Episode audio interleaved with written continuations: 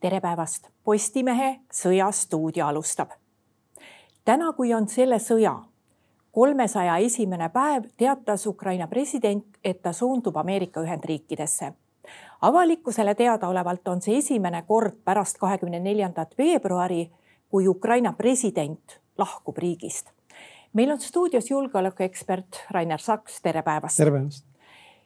no see Ukraina presidendi kohale sõitmine Washingtoni ilmselt on kindlasti see, mis kindlustab selle väga palju räägitud järjekordse Ameerika abi ukrainlastele päris, päris kindlasti. ja loomulikult, et äh, tegemist on tõesti erakorralise sündmusega selles plaanis, nagu te ise mainisite. et Ukraina president ei ole sõja algusest saadik oma riigi territooriumilt lahkunud ta on küll liikunud oma riigi sees ringi, käinud rindel alles äsja Pahmutis väga,, väga-väga tugev käik. aga niimoodi jah, riigist välja läinud ei ole, et noh, ma arvan, et need siin eelsõnumid, mis on selle visiidi kohta, räägivad valdavalt sõjalisest abist ja seas, sealhulgas siis Patriot süsteemidest, aga ma kaldun arvama, et ainult nende süsteemide väljahõikamise pärast president siiski Washingtoni ei sõida, Ukraina oma et seal midagi võib-olla veel oodata, et, et seda üksi oleks liiga vähe. no e, avalikkuse jaoks on see, see väga kõva sõnum, kui praegu näidatakse sõja kontekstis, kuidas Washingtonis kohtub Ukraina president Ameerika Ühendriikide presidendiga. loomulikult, aga ma ootaks siiski nagu neid sõnumeid, mis tulevad selle, selle kohtumise järel. et on ka kõne äh, ju USA-s kongressi ja senati ühisele istungile ma saan aru, et oli vist ühine istung. aga kindlasti tuleb tal seal igasuguseid muid kahepoolseid kohtumisi veel ja kindlasti on nagu USA sõjalise abi teema ja finantsabi teema, teema number üks sellel kohtumisel. no vaatame, mis siis äh, veel välja hõigatakse, mida, mida Ukraina toetuseks USA on veel valmis tegema. aga ma ootaks ikka nagu, nagu niisuguseid visioone, et mis peale sõda või kuidas see sõda võiks lõppeda või noh, midagi, midagi ka sellest vallast võiks ju siit visiidilt nagu kostuda no see on äh, kogu maailma jaoks, vähemalt selle maailma jaoks, kes Ukrainat toetab, väga oluline küsimus ja väga vajalikult äh, tõstatatud küsimus. mis saab pärast selle sõja lõppu ja sellest peaks praegu rääkima? rääkima ikka peab, et noh, see äh, siin on väga erinevaid nüansse, millest muidugi äh, Ukraina toetajate jaoks on kaks olulist momenti. on äh, kõigepealt see, et äh, mis tingimustel Ukraina valmis selle sõja siis enda jaoks nii-öelda lõppenuks kuulutama. ja teine, mis ei ole mitte sugugi vähem olulisem pool, on see, et kaua siis sellega kõigega võiks aega võtta. ja nüüd nagu, kui panna siia juurde nüüd see kolmas moment, siis tegelikult nüüd see, millest me vähem räägime, aga kuidagi peab Venemaa seda aktsepteerima. et puhtalt üksi sõjalisest kaotusest nagu, mis on praegu rindel juhtunud, on selleks liiga vähe, nii et äh, tegelikult on see väga keeruline ja raske ülesanne ja strateegilises kommunikatsioonis praegu nagu see üritus kindlasti eh, siis nagu üritab paika panna mingisuguseid raame nagu, et kuidas nagu seda olukorda siis võiks nagu lahendada. no mõni päev tagasi oli meil siin ka üks teine visiit ja see, ma praegu mõtlen seda ja, visiiti, kus. Venemaa president sõitis millegipärast ise Valgevenesse. võiks küll arvata, et jõudude vahekord on selline, et mhm. kui Putinil on vaja Lukašenkoga millestki rääkida, et siis ta kutsub ta Moskvasse. sedapuhku pidas ta vajalikuks minna kohale Valgevenesse, miks näidata, et ta on rinde lähedal ei, mitte seda ainult, vaid noh, siin peab olema mingisugused peegeldused, et kui Lukašenka tuleb Moskvasse, see ei ole eriline sündmus, kui, kui Venemaa president tuleb Minskisse, siis on see kindlasti palju suurem sündmus seda esiteks, teiseks Venemaal on strateegilise kommunikatsiooniga häda. ja, ja nüüd ütleme, Venemaa presidendi käik Valgevenesse võimendas väga paljusid nagu niisuguseid sõnumeid, millest eelkõige üks on see, et nagu oleks oodata mingit uut suuremat pealetungi põhja, põhjast Kiievi suunas ja teine, et noh, nagu te panite tähele, siis kohe meedias läksid lahti spekulatsioonid, et kas Venemaa president sunnib Valgevenet astuma sõtta Venemaa poolel siis Ukraina vastu. et, äh, et just nimelt nendel põhjustel tegelikult oli vaja Venemaa presidendil käia Minskis ja kindlasti on tal vaja näidata natuke rohkem dünaamikat. kuigi ta on ka, ta on ka muidu ju käinud äh, kohtumas äh, sõja ajal siiski väljaspool oma riigi piire seal paar korda. et see ei ole nüüd nagu nii, nii erakordne aga ma arvan nagu seda, et Venemaal on vaja nagu niisuguseid sõnumeid, mis näitavad, et, et see sõda ei ole ainult Moskvast punkrist peetav sõda, et see on noh, nii kuidagi natukene mitmekesisem oleks see pilt ja, ja näidata oma liidrit liikumas. et see oli tegelikult see üks väga oluline põhjus no ja see muidugi pani meedia rääkima sellest, et mm. kavandatakse pealetungi ja et venelased võivad proovida teisel katsel tungida taas Kiievisse. no see eh, sellelt teabelt, mida meie teame, tundub see küll nagu hästi uskumatu, et, et see on ainult mm. spekulatsioon, aga kui palju seal ikkagi taga võib olla? kas venelased võivad teha noh, mitte lähitulevikus, aga ütleme lähikuudel uue katse eh, minna ja püüda vallutada Kiievit? tähendab, siin nüüd tuleb teha vahet kahele asjale, et üks on see, mida Venemaa president sooviks näha, et see võiks nii juhtuda, sest tal kindlasti ei oleks selle vastu mitte midagi aga ma olen täiesti kindel, et Vene armee juhtkond on praegu siis oma ülemjuhatajale ehk Venemaa presidendile on nii-öelda maha müünud nagu teistsuguse lähenemise. et Ukraina jõud tuleb Donbassis purustada ja siis on võimalik edasi liikuda Kiievi peale. nii et nagu selles mõttes nagu uuesti sellist jõudude hajutamist sinna põhja, et tungida uuesti peale Kiievile lihtsalt seda ma ei usu, et Venemaa teeb, sest tal pole selleks tegelikult ka vahendeid ja selle rünna, ründeformatsiooni ülesehitamine võtaks väga pikka aega, see peaks praegu juba käima, kui me tahaks seda näha näiteks veebruaris juhtumas. see praegu ilmselgelt ei käi. ja noh, ütleme niimoodi, et äh, võib-olla Ukraina isegi natukene tahab, et Venemaa sellega tegeleks, sest äh, siis neil oleks nagu niisuguse lihtsam nagu Venemaa, Venemaa nii-öelda sellise, Venemaale kaotusi tekitada, ütleme siis niimoodi aga no ma arvan, et äh, see on praegu lihtsalt jäänud nagu niisuguseks äh, õrritamiseks strateegilise kommunikatsiooni tasemel. kas me teame täna ligi, ligilähedaseltki, palju Venemaa sõdureid võib olla Valgevene territooriumil? siin on juttu olnud umbes circa kahekümnest tuhandest, keda siis valmistati äh, Valgevenesse väljaõppekeskustesse viima. Need on mobiliseeritud. natukene on seal õhukaitsespetsialiste, natuke on seal ka väljaõppeohvitsere.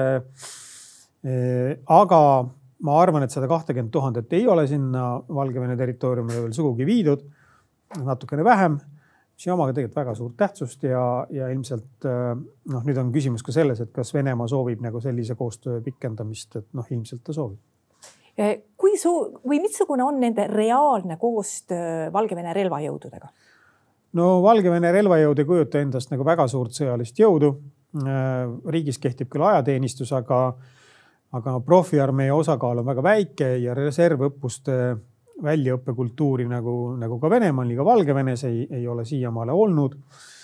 ja need õppused, mida nad on siis korraldanud, on nagu väikeste profiüksustega koos, koos Vene armeega. Need ei kujuta endast noh, mingisugust niisugust nagu suurt sõjalist jõudu. Valgevene armee puhul tuleb silmas pidada seda, et Valgevene õhukaitse on integreeritud Venemaa õhukaitsega juba väga pikka aega, üle viieteist aasta mis tähendab seda, et Valgevenel tegelikult nagu iseseisvat kaitsevõimet nagu peaaegu ei ole, ma arvan ka, et, et Venemaa soovi korral saaks nagu vägede juhtimise süsteemi ka üsna enda kätte võtta. aga seda ainult juhul, kui poliitiline kontekst seda lubab, sellepärast et ega Venemaa ei kontrolli siis Valgevene nagu igapäevast tegevust, vaid ainult nagu sellist strateegilist välispoliitikat ja julgeoleku kaitsepoliitikat ja majanduspoliitikat. Ja avalikkus Valgevenes ju ei ole sugugi mitte selle sõja poolt või vähemalt mitte selle poolt, et nüüd ise selles sõjas osaleda. ei, ma arvan ka, et, et seda ei tasuks arvata, et Valgevene inimesed igatsevad äh, sõja järgi Ukrainas. pigem vastupidi, aga me ei ole ka kuskil näinud nagu väga adekvaatselt mõõdetud tulemusi, nii et selle tõttu me, me saame rääkida siis nii-öelda mingite kaudsete muljete põhjal heidame pilgu korrale, korraks sellele meie sõjakaardile ka, et ega rindel suuri liikumisi ei ole, et mis meil seal nüüd õigupoolest toimub. no vot eile sellel sõja kolmesajandal päeval oli ka Ukraina president rindel, Bahmutis. nojah, president oli, oli rindel siin umbes selles piirkonnas. ja, või jah, siin isegi, kus teil see märk on paigutatud Bahmuti linnas, kus ta, kus käivad siis põhilised lahingud, kus Venemaa üritab peale tungida Äh, aga tegelikult nüüd sellest hetkest, kui siit tõmmati välja Vene väed, kui nad lahkusid või noh, ütleme sisuliselt ikkagi sunniti lahkuma Ukraina sõjalise tegevuse tulemusena, siis taganema. äh, ei ole rindes enam suuri muudatusi olnud, et Venemaa on siin noh, Bahmuti juures siin sellel kitsal lõigul on ta võib-olla suutnud enda kätte haarata siin mõned, mõnedkümned ruutkilomeetrit, mis on imeväike territoorium ja ei, ei vasta kuidagi nendele eesmärkidele, mis sellele Vene armeele on püstitatud. Ja siis siin natukene aktiivsem tegevus toimub siin umbes selles Luganski oblasti põhjaosas, Svätove ja Severodonetski, Lõssetšanski vahelisel alal, kus siis nagu Ukraina on nagu olnud aktiivsem pool, aga kus praegu kah nagu rinne on nagu üsna, üsna seisma jäänud, et me võime öelda, et et noh, need, kes ennustasid, et, et suurem volatiivsus rindel lõpeb siis, kui tulevad niisugused teede lagunemise aeg, et noh, need on enam-vähem paika pidanud, aga aga lahingute intensiivsus on ikkagi päris kõrge ja Venemaa kaotused on väga suured ja seda tuleb silmas pidada, et isegi kui rinne ei liigu, siis Venemaa on kaotanud päevas seal ikkagi iga päev üle viiesaja mehe langenutena.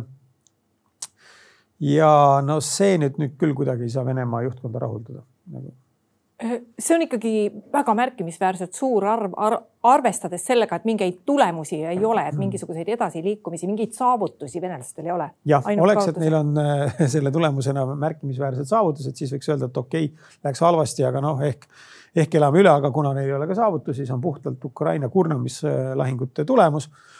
No siis on see tulemus ikkagi pigem väga suure negatiivse märgiga ja, ja no Ukraina on muutunud palju hoolsamaks kui siin võib-olla saja sõja alguses faasis, kus nagu ka neil oli vaja Kiievi juures ja ägedamalt peale tungida. nüüd on ikkagi väga hoolsalt äh, üles ehitatud äh, siis seda pealetungi ja hooli, hoi, hoitakse oma sõdureid, ei raisata neid. nii et ma arvan, et äh, praegu lihtsalt Ukraina vägi loob siis nagu eeldusi näiteks uuteks pealetungideks kuskil mingites suundades, mis on siis praegu küll ainult neile teada, et no sellest ajast saadik, kui septembrikuus oli Venemaal osaline mobilisatsioon, on äh, spekuleeritud kogu aeg, et venelased võivad ka üldmobilisatsiooni välja kuulutada ja vot täna on jälle selline päev, kus mõned allikad väidavad, et noh, et Moskvas võib täna selline otsus tulla. no see on ikkagi, ega see väga ju midagi ei muuda praegu no näha on, et Venemaa juhtkond seda mobilisatsiooni sõnagi tahaks nagu vältida ja, ja selles mõttes üldmobilisatsiooni nad kindlasti välja ei kuuluta, sest noh, korjata korjata ära suur hulk mehi ja panna nad kuskile lihtsalt nii-öelda kasarmusse luku taha ja sel ei ole nagu mingit mõtet. Venemaa ilmselgelt praeguseid mobiliseerituid ei suuda varustada. ei suuda ka suuremat osa neist korralikult või isegi noh, niimoodi puudulikult välja õpetada. küsimus on, et äh, kaua siis Venemaa nagu üritab niimoodi sihukest pealetungi jätkata. ja ma väidan, et kui neil oleks nagu kavatsus jääda kaitsesse ja võtta niisugune pikem paus ja valmistada neid vägesid ette, siis võib-olla paari aasta jooksul nad midagi nagu saavutaksid. aga praegusel juhul äh, mobilisatsiooni puhtalt läbiviimine ja uue inimmassi kokkuajamine mitte midagi olukorda rindel ei muuda. ja teisalt muidugi nende kaotused praegu on nii suured, äh, et kui nad tahavad nagu pealetungiga jätkata ja ei, ja ei soovi jääda kaitsesse, siis tõepoolest kuskil veebruari lõpus, jaanuari lõpus, veebruaris ütleme, hakkab neil ka sellest inimmassist, mis neil praegu on kasutada, hakkab nappima. ja vot siis on küll vaja nagu äh, mehi juurde kuskilt, aga ma arvan, et äh, üldmobilisatsiooni asemel nad ikkagi eelistavad sellist marjatud äh, sihtgruppide nii-öelda mobiliseerimist, et üldmobilisatsioon ikkagi sisuliselt tähendab sõjaseisukorra väljakuulutamist ja minu arust Venemaa seadused praegu ei lubagi seda läbi viia no sel, Venemaa on ju väga palju vahetanud välja ka oma mm. sõjaväe juhtkonda ja nüüd on hakanud liikuma kuuldused, et ka Gerassimov võidakse välja vahetada. ka see ei muuda. ka see ei muuda midagi mm? -mm. et no selgelt on Venemaa nüüd nagu selle viimase just nagu ütleme, kolme-nelja kuu jooksul on Venemaa niisugune juhtimine üldiselt ikkagi paranenud natukene. aga nad ei ole lahendanud neid põhilisi probleeme, mis neil on nagu seotud logistikaga, informatsiooni liikumisega, planeerimisega.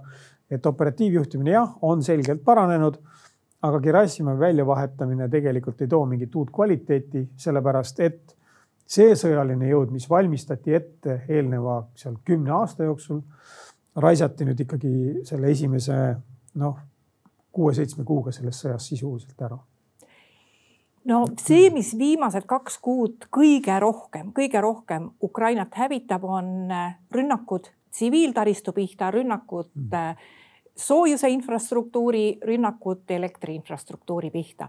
kui palju paremini pärast neid paarikuiseid rünnakuid suudab äh, Ukraina õhutõrjega kaitsta vat mm. seda süsteemi? no õhutõrjega neil on nagu jätkuvalt probleeme ja õhutõrjevahendeid, mida siis Ukrainale on lubatud, noh, osa neist on kätte saadud, nad on parandanud seda võimet. Äh, eks neil on ka need varasemad süsteemid, mida nad kasutasid, need vabandust, Nõukogude päritolu nende laskemooni, ma saan aru, et on seal vist hakanud nagu lõppema. aga kahjuks ei ole lääneriigid suutnud neile tarnida nagu piisavas koguses äh, kaasaegset õhutõrjet. ma ei tea, mis iganes põhjustel, võib-olla ka Ukraina ei suuda kõike seda korraga kasutusele võtta. See kindlasti on tõsine probleem. Venemaa õnneks või tähendab mitte Venemaa õnneks, vaid Ukraina õnneks ei ole Venemaal neid rakette liiga palju. ja nad kasutavad juba praegu rakette, mis peaksid kuuluma strateegilisse reservi, mida tegelikult kulutada ei tohiks. toodavad vähem, kui nad, kui nad praegu raiskavad.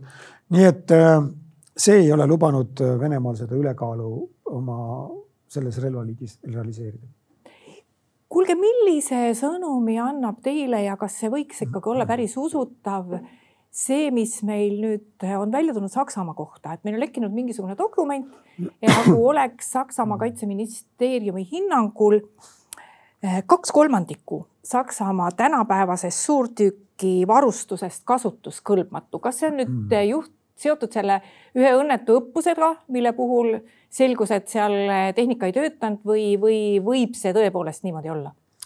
seda tuleks eelkõige sakslaste käest küsida ma seda väga täpselt ei tea, aga Saksamaa puhul selline info jah, visalt levib nüüd.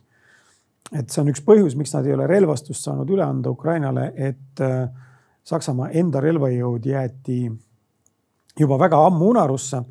ja noh, nagu me teame, eks ju, et kaitsekulud on ühed sellised kulud, mis, äh, mis tulevad tavaliselt, eks ju, selliste sotsiaalselt tundlike kulutuste arvelt või noh, niimoodi ta välja kukub, eks ju, poliitikas tavaliselt, et ja kui nüüd nagu viga oli eelkõige selles, et Saksamaa ohuhinnang oli totaalselt ebaadekvaatne Venemaa suhtes ja, ja siis võib-olla ka mingite muude ohtude suhtes, mille tulemusena ehitati üles äh, poliitika, mille kohaselt noh, armeel ei olnud enam sellist tähendust nagu külmal ajal ja ja no eks tulemused siis nagu tavaliselt tulevadki mingi mingisuguse lõtkuga niimoodi kümne-viieteist aasta pärast nähtavale.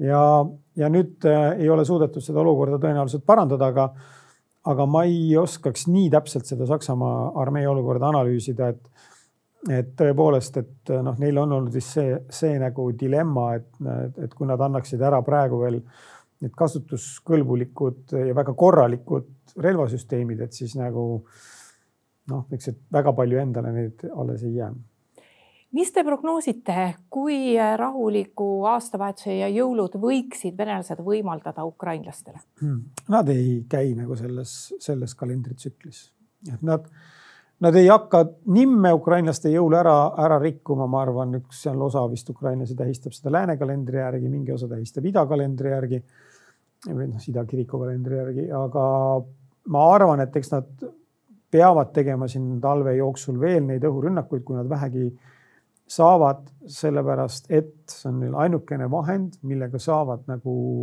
ukrainlasi mõjutada äh, ja, ja põhjustada Ukrainale nii-öelda siis probleeme.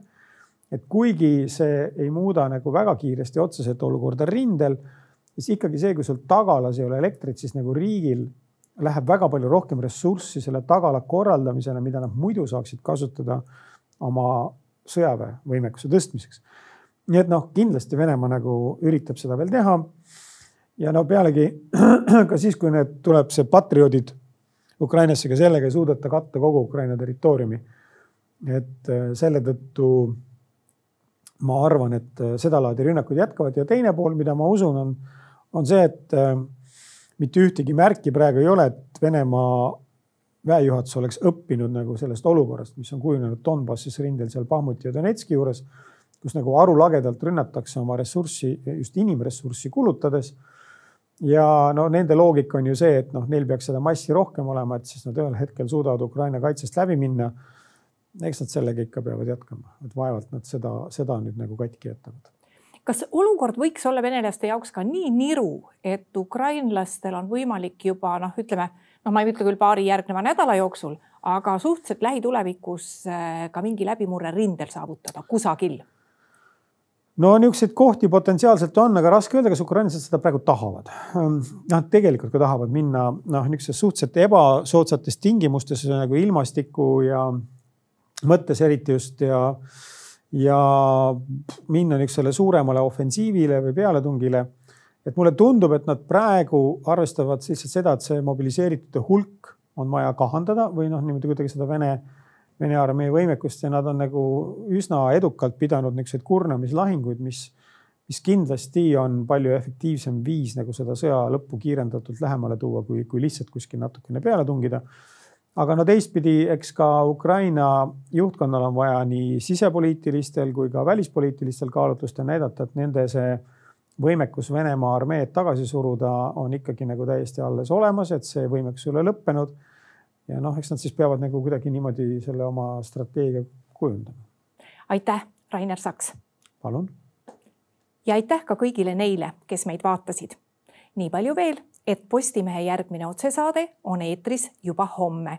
seniks lugege uudiseid postimees.ee